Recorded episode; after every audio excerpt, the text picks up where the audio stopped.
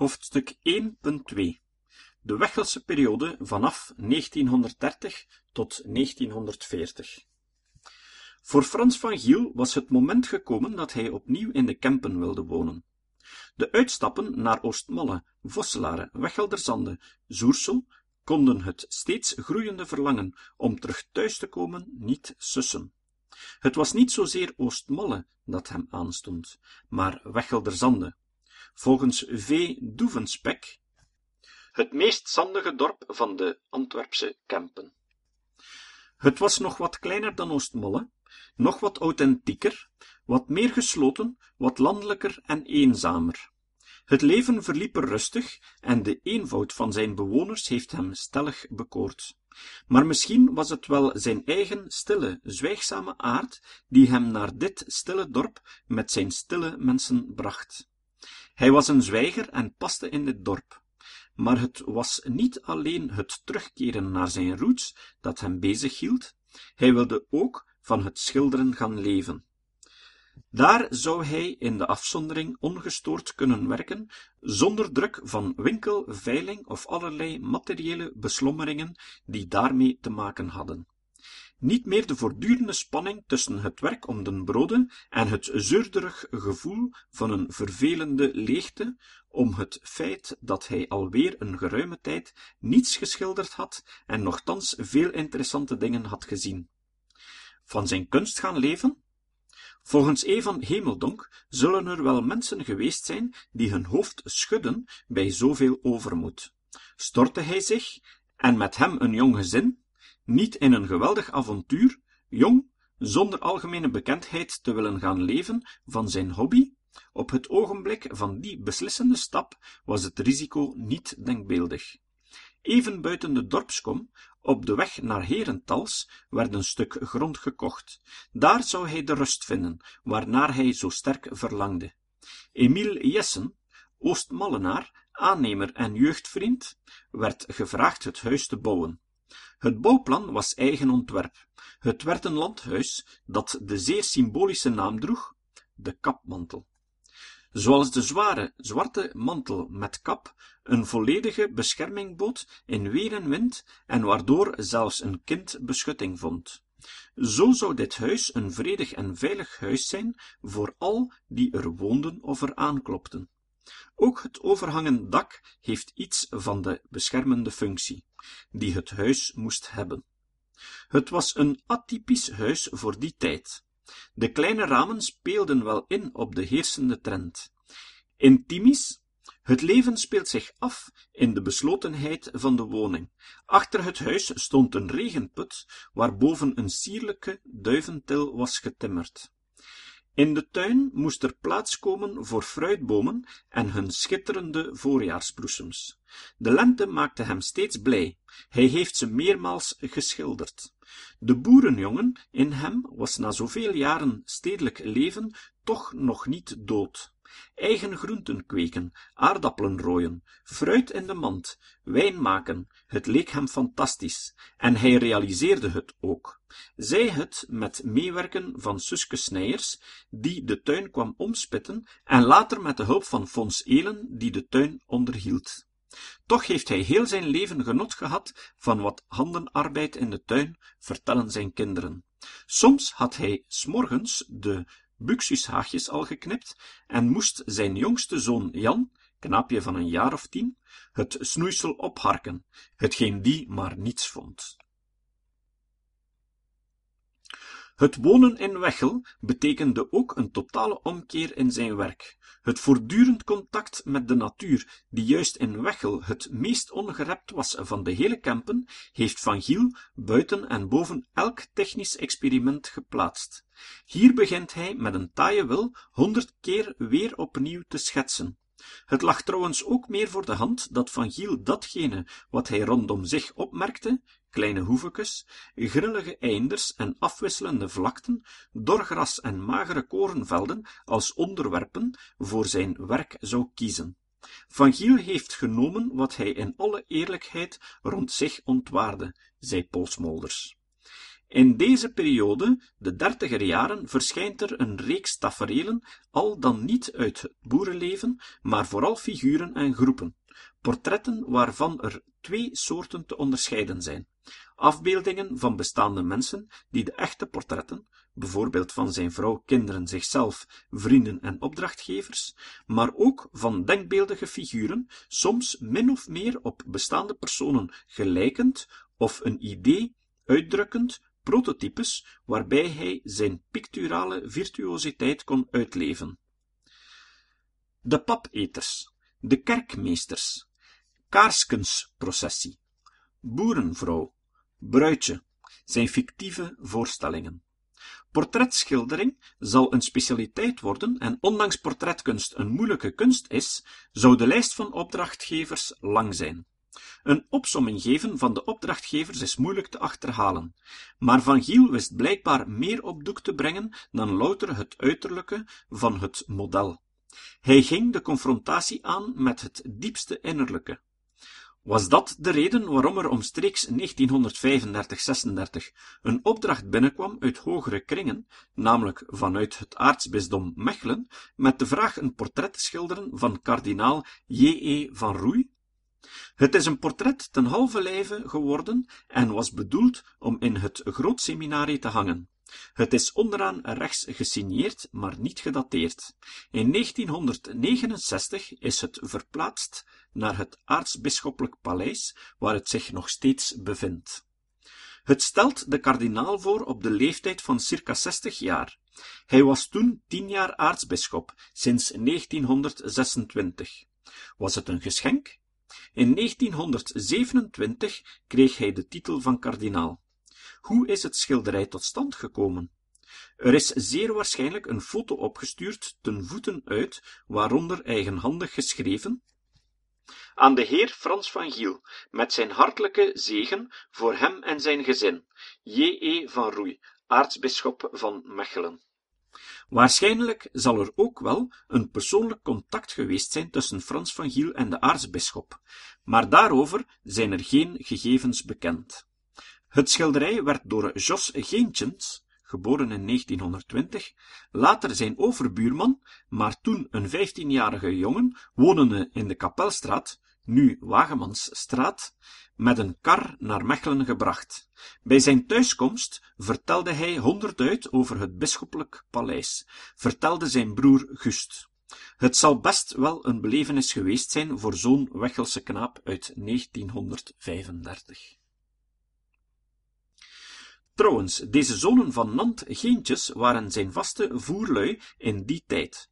Ook tijdens de oorlog gebeurde het geregeld dat Fons Geentjes meneer Van Giel door het bos zag komen, richting hun huis.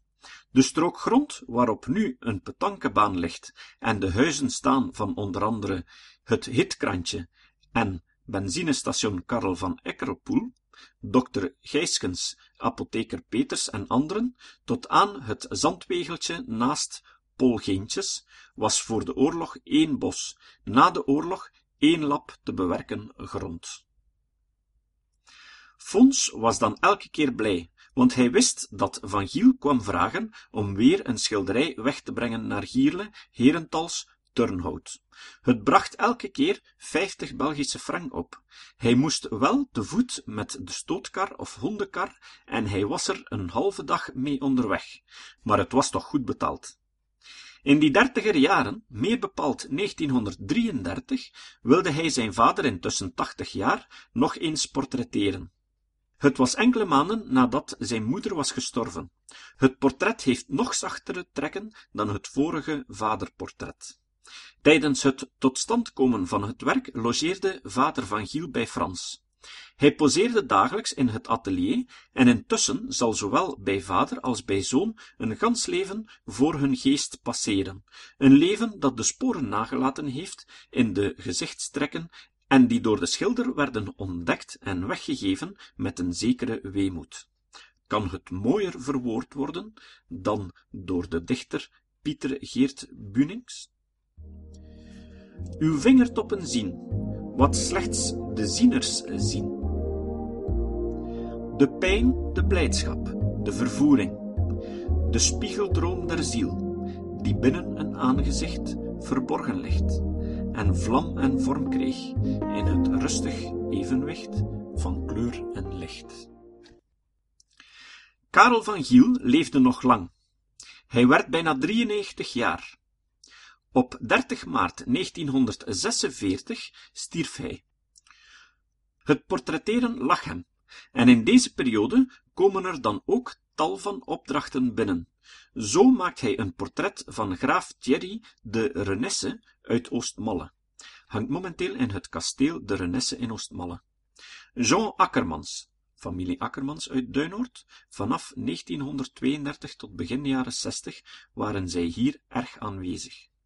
De Wechelse huidenvetter Alfons van Roei, levensgenoot afgebeeld in jachttenu en omringd door zijn jachthonden, de vrouw van Alfons van Roei, Maria Smolders, ook levensgroot, en nog vele anderen. Later zal hij ook in opdracht van de Turnhoutse balie een portret schilderen van meneer Leo de Peuter, burgemeester van Herentals. Het was het afscheidscadeau bij zijn pensionering. De portretten worden mee tot zijn beste werk gerekend. Volgens Bert Lanens is het niet alleen de getrouwe gelijkenis wat treft, maar vooral de rake karakterontledingen van de geportretteerden. 1935 werd een speciaal jaar voor de familie van Giel, want na Frans, 13 jaar, en Jeff, 12 jaar, werd er een dochtertje geboren. Zij zal een dankbaar onderwerp zijn voor vele kinder- en meisjesportretten in alle stadia van peuter, kleuter, kind, jong meisje, in allerlei onderwerpen als bezoekster van de stal, in de aanbidding van de wijzen, als processiebloemenmeisje, ze was een dankbaar model en wilde waarschijnlijk geduldig poseren, zoals ze zelf zegt, zodat er veel meer meisjesportretten van haar zijn dan portretten van haar broers. In 1937 realiseert hij wel het werk Frans. Toen een jongen van een 15 jaar in 1939, gevolgd door Jeff, een schitterend werk met zijn 16-jarige zoon Jeff als zelfbewuste jonge man, die met open blik de toekomst inkijkt. Frans van Giel was een fiere vader, dat spreekt ontegensprekelijk uit deze portretten van zijn kinderen. Deze werken sierden wel de muren van zijn woonkamer en vormden beslist een mooie aanblik, toch brachten zij geen brood op de plank.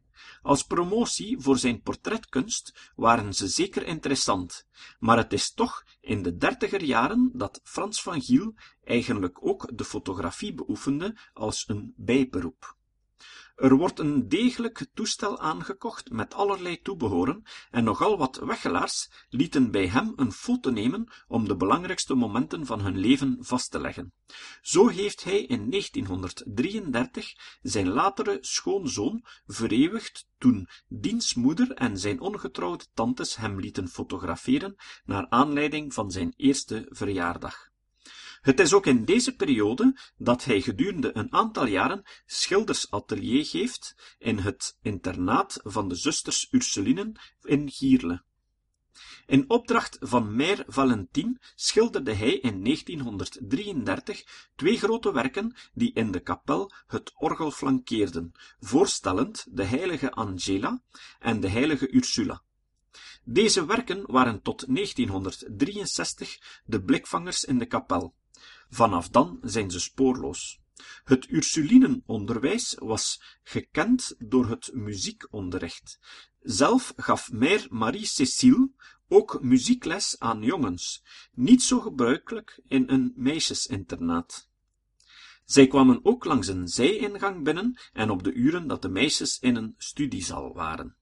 Nogal wat jongens uit de streek hebben naast haar achter de piano gezeten, onder andere de huidige bisschop van Gent, Luc van Looy, toen een jongen uit Tielen. Ook Jeff van Giel, muzikaal geïnteresseerd, volgde lessen bij Mère Claire Cécile. Op Chef sloeg haar geestdrift blijkbaar over, want hij speelde in die tijd niet onaardig op de vleugelpiano, een pleyel die steeds ten huize van Giel heeft gestaan en vele gezellige momenten heeft begeleid. En Frans van Giel leidde een rustig en harmonisch leven.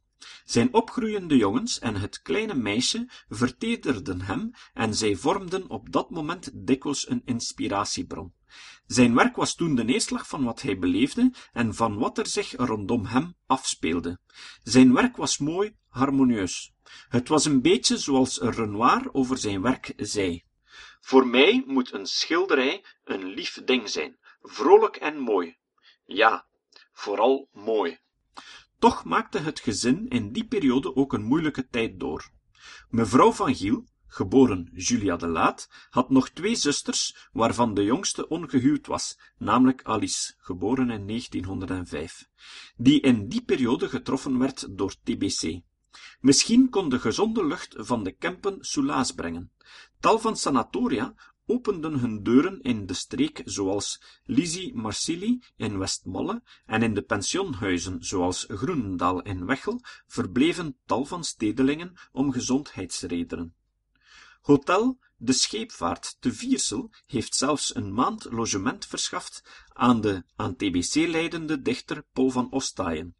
Frans van Giel bouwde in de tuin een apart huisje met plat dak, waar Alice zich kon terugtrekken, maar anderzijds dicht bij haar familie verbleef en zich optrok aan het gezonde, vrolijke bestaan van haar neefjes en het schattige nichtje Marietje.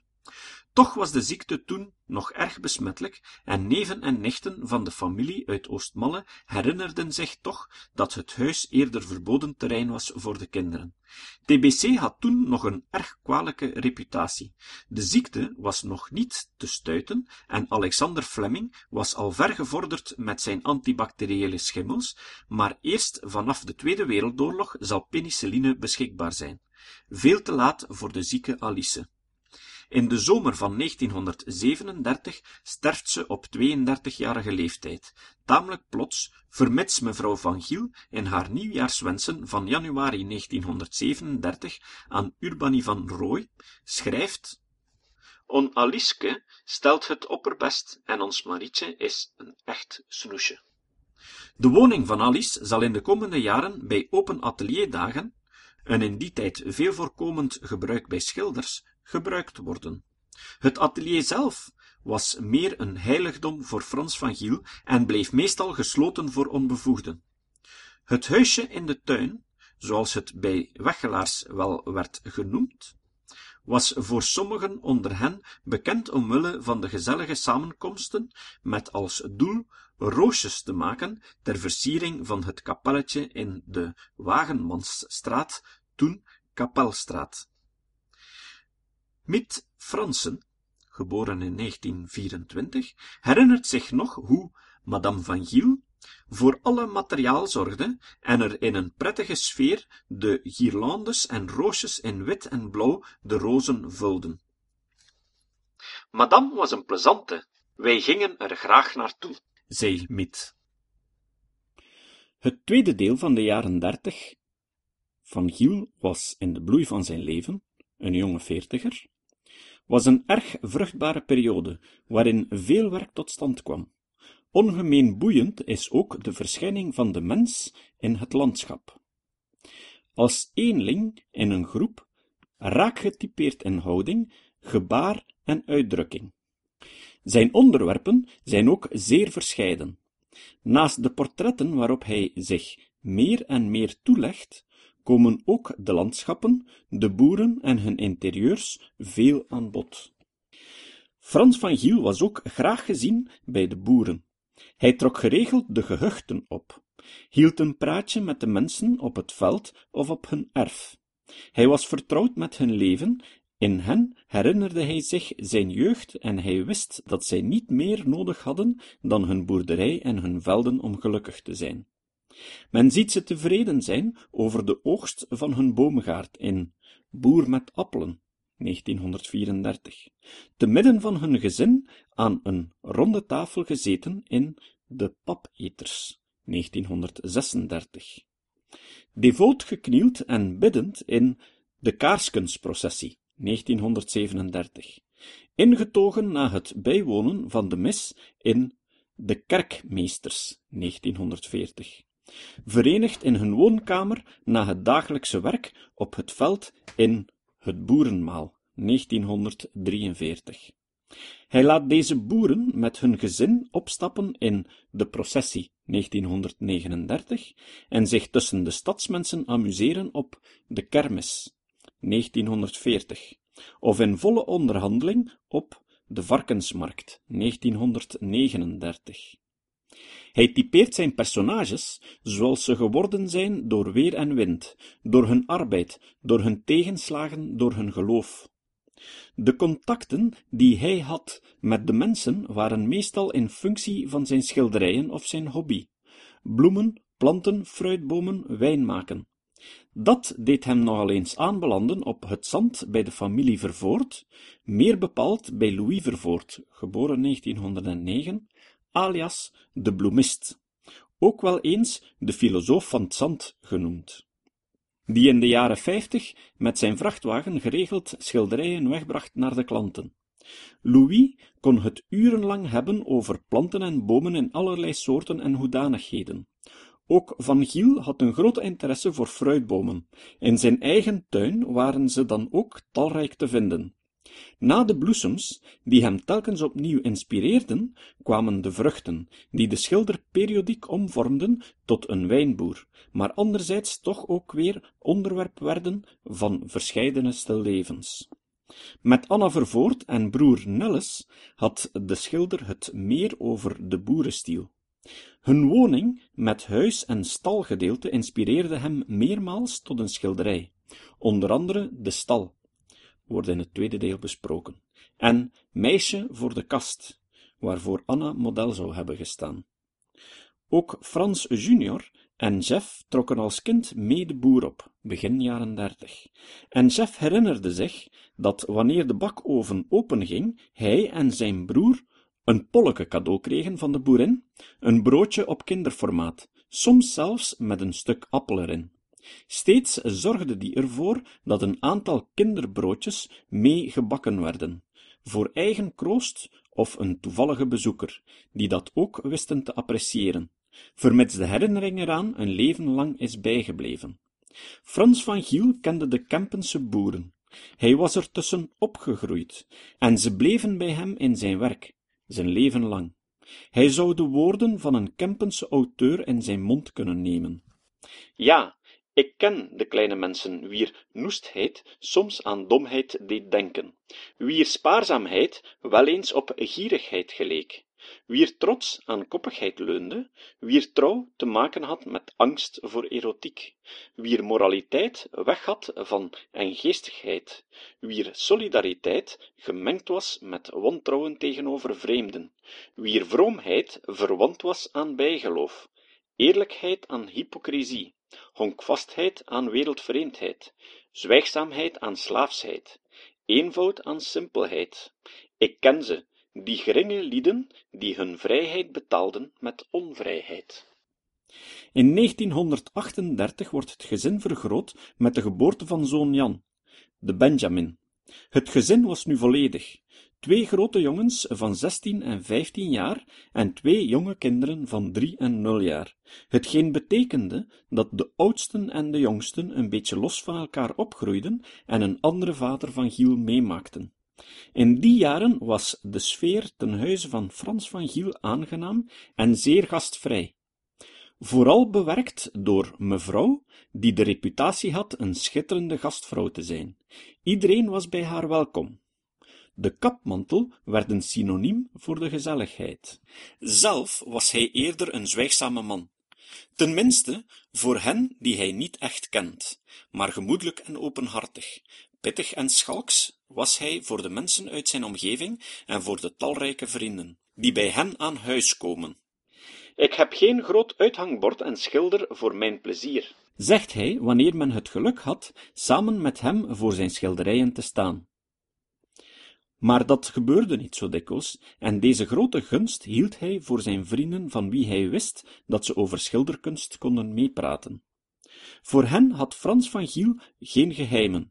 In de beslotenheid van zijn atelier onder het houten dakgebinte hadden zij het dan over het enorme genot dat schilders hebben aan het bewerken van verf, aan mengen van kleuren, die, wanneer zij op het doek worden uitgestreken, beginnen te gloeien en portretten stillevens en landschappen vormen en leven krijgen. Hetzelfde verhaal vertelt Ludo Simons. Hoe de schilder, wat handig en schuchter, maar toch met de zekerheid iets moois te hebben gemaakt, dat ene schilderij na het andere tegen de ezel of tegen de muur zette, de ene tekening of ets na de andere uit de kaft haalde en op de tafel legde. Wanneer de aroma's van de koffie, de stoverijen of het gebak het atelier bereikten, was het tijd om de benen onder tafel te strekken. Voor mijn vader was het maaltijd iets bijzonders, vergelijkbaar met Eucharistieviering. Het had iets sacraals. Er ontstond een band met wie er rond de tafel zat. Er werd verteld, gelachen en veel wijn van het huis gedronken zei. Ieder najaar was Frans van Giel actief met wijn maken. Jan herinnert zich dat er steeds iets stond te pruttelen of te gisten in kelder of bijgebouw. Wie kon, hielp mee. Appels plukken, persen, in de damjanne schieten, laten gisten, op flessen trekken, in de kelder stockeren om dan eens de grote vreugde te ervaren, deze heldere, geestrijke drank te kunnen schenken en te drinken in een aangenaam gezelschap met familie of en vrienden. Ook de jongste kinderen getuigden dat hun huis altijd een gastvrij huis is geweest en dat het soms gebeurde dat de tafel te klein was en er een afwisseling was tussen eetkamer en salon. De ene groep aperitiefde wat langer, de andere nam een uitgebreide poescafé. Renaat Veremans, Jozef Simons waren geregeld gasten, meer dan dat, vrienden. Ludo Simons vertelt, naar aanleiding van de herdenking van de honderdste verjaardag van Van Giel in 1992, hoe hij iedere avond Frans van Giel groet door de pentekeningen met opdracht, geschonken naar aanleiding van zijn geboorte, in zijn huis te bekijken, aan mijn vriend Jozef Simons, van harte, Wechelderzande, 6 juli 1939, Frans van Giel. Ook met Albert Poels, voorzitter van de Antwerpse kunstkring Het Getij, had hij vriendschappelijke contacten. Van Giel maakte in opdracht van Albert Poels een portret van diens dochtertje Hilde. In alle vriendschap werden soms werken geruild, een schilderij tegen een beeld. Ook Lodewijk Mortelmans, geboren 1868, overleden in 1952, en zijn zoon Ivo behoorden tot de vriendenkring. Zij waren geen beeldende kunstenaars, maar Lodewijk was in de eerste plaats componist van liederen en de zoon trad in de voetsporen van de vader als componist, dirigent, muziekpedagoog en criticus. Gesprekken met deze mensen waren voor Van Giel een stimulans, maar niet alleen kunstenaars kregen een gastvrij ontvangst. Ook de familie uit Oostmolle was steeds welkom. Vic van Giel, geboren in 1929, herinnert zich dat hij met zijn ouders, vader Edward, op familiebezoek ging en door de tuin wandelde richting Oud voetbalveld in de Nieuwstraat, waar hij volop kon voetballen en ravotten met de kozijns. We werden altijd goed ontvangen. Het was altijd een aangename dag, vertelt Fiek. Mijn moeder genoot intens van alle bezoek. Belangrijk voor haar was dat de bezoekers het aangenaam vonden. Ook onze jeugdvrienden waren thuis steeds welkom. Er werd muziek gemaakt, soms met eigen gemaakte muziekinstrumenten, vertelt de chef. Wie dat volmondig beaamt, is Gust Jessen, geboren in 1918. Gust was wel wat ouder dan Frans junior en Jeff van Giel, maar het is vooral de periode 30-40 dat hij veel contact had met de familie van Giel. Hij reed dagelijks naar het Sint-Josefs College in Herentals, volgde er Grieks-Latijnse humaniora, en was de primus van de klas. Toen hij in de poëzies zat, fietsten de jongens van Giel ook mee naar Herentals. Ze keken wel wat op naar de grote en slimme Gust, en zo belanden ze een keer bij de familie van Giel thuis aan, waar hij hartelijk ontvangen werd door mevrouw. Hij werd opnieuw uitgenodigd en aangehaald, en Gust voelde zich er volledig thuiskomen. Al snel bleek dat er enkele raakpunten waren, ook afkomstig uit Oostmalle, en zijn oom Emile Jessen was de bouwer van de kapmantel en jeugdvriend van Frans van Giel. Vrij snel werd hij een vriend des huizes en ging hij iedere zaterdagavond eten bij Van Giel. Hij herinnert zich dat er ook een filmprojector was en er filmpjes gedraaid werden, toen een geweldig evenement. Charlie Chaplin leerde Gust Jessen bij Van Giel kennen. Gust zou er al zijn vrije tijd hebben willen doorbrengen en hij vond het helemaal niet prettig dat hij met Va César, vroegere waard van de keizer, aardappelen moest gaan planten of rooien. Toen hij het college doorlopen had, ging Gust naar Leuven Germaanse filologie studeren en de jongens Frans en Jeff ruilden het college in tegen het Atheneum in Turnhout. Ze fietsten naar Vlimmeren en namen daar de bus. De reden voor deze wissel was, volgens zoon Jeff, dat het gezin toch wel op de kleintjes moest letten. Vader Frans kreeg wel opdrachten, en moeder kende de kunst om met weinig veel te doen, zodat er helemaal niets tekort was, maar waar er kon bespaard worden, werd het gedaan. Het rijksonderwijs kende geen onkosten, terwijl er vanuit het college toch iedere trimester een rekening kwam voor beide jongens. Maar er was nog een tweede reden, die deze overstap verklaart, en dat is het wetenschappelijke aanbod in het rijksonderwijs van Turnhout. Het college van Herentals bood toen uitsluitend een klassieke richting Latijn-Grieks aan.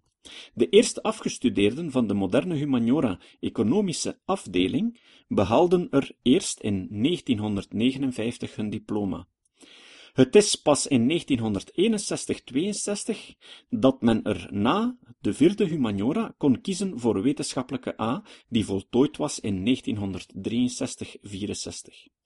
Jeff was erg wiskundig aangelegd en zou in een wetenschappelijke richting meer zijn ding kunnen doen, en Frans en Jeff waren verstandig en mans genoeg om de overgang naar het KTA goed door te komen.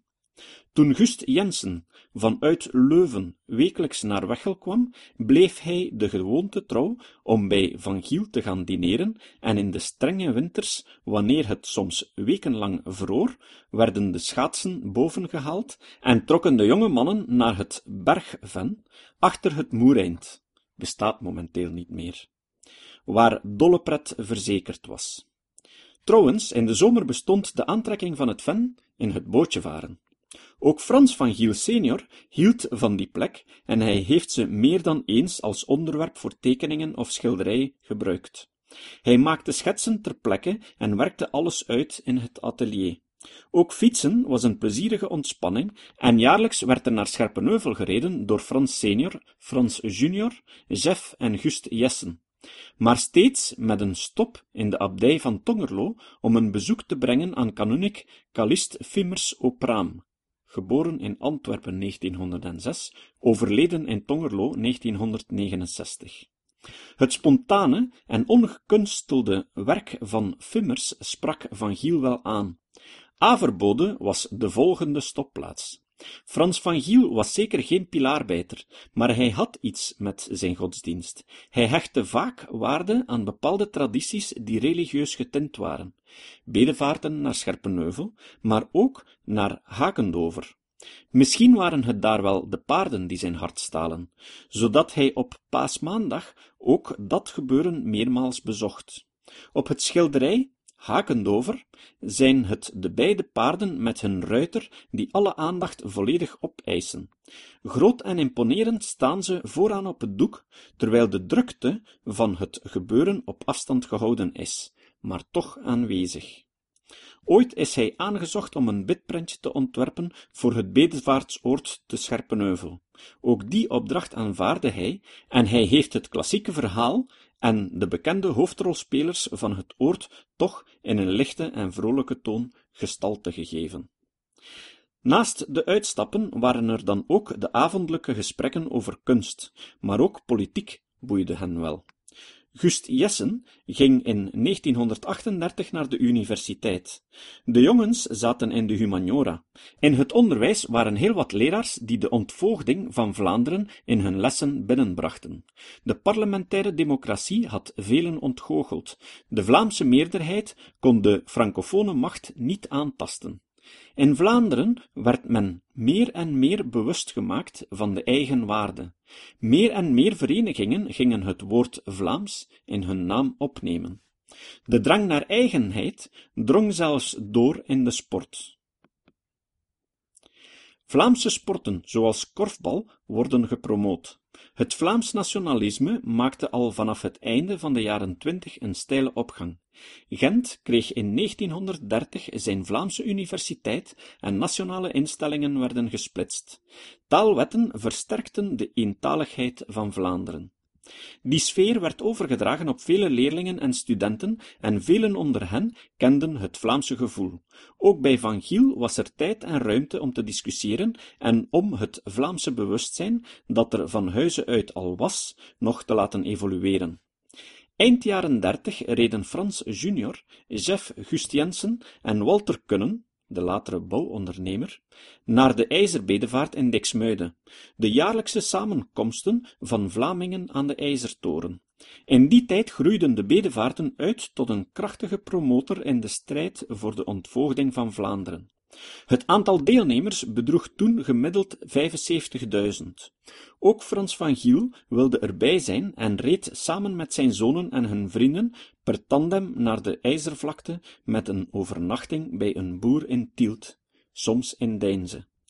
De volgende dag ging het dan naar Dixmuide waar ze de openluchtmis bijwoonden met vuur en overtuiging, de Vlaamse liederen zongen en stil en ingetogen de hele plechtigheid volgden. Daarna reden ze toch nog naar Nieuwpoort aan Zee om even de zeelucht op te snuiven.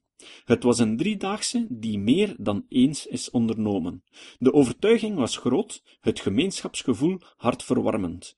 Ook vele Vlaamse vriendschappen kwamen daar tot stand of werden er verstevigd. Zijn kunstvrienden hadden allemaal dat sterke Vlaamse bewustzijn.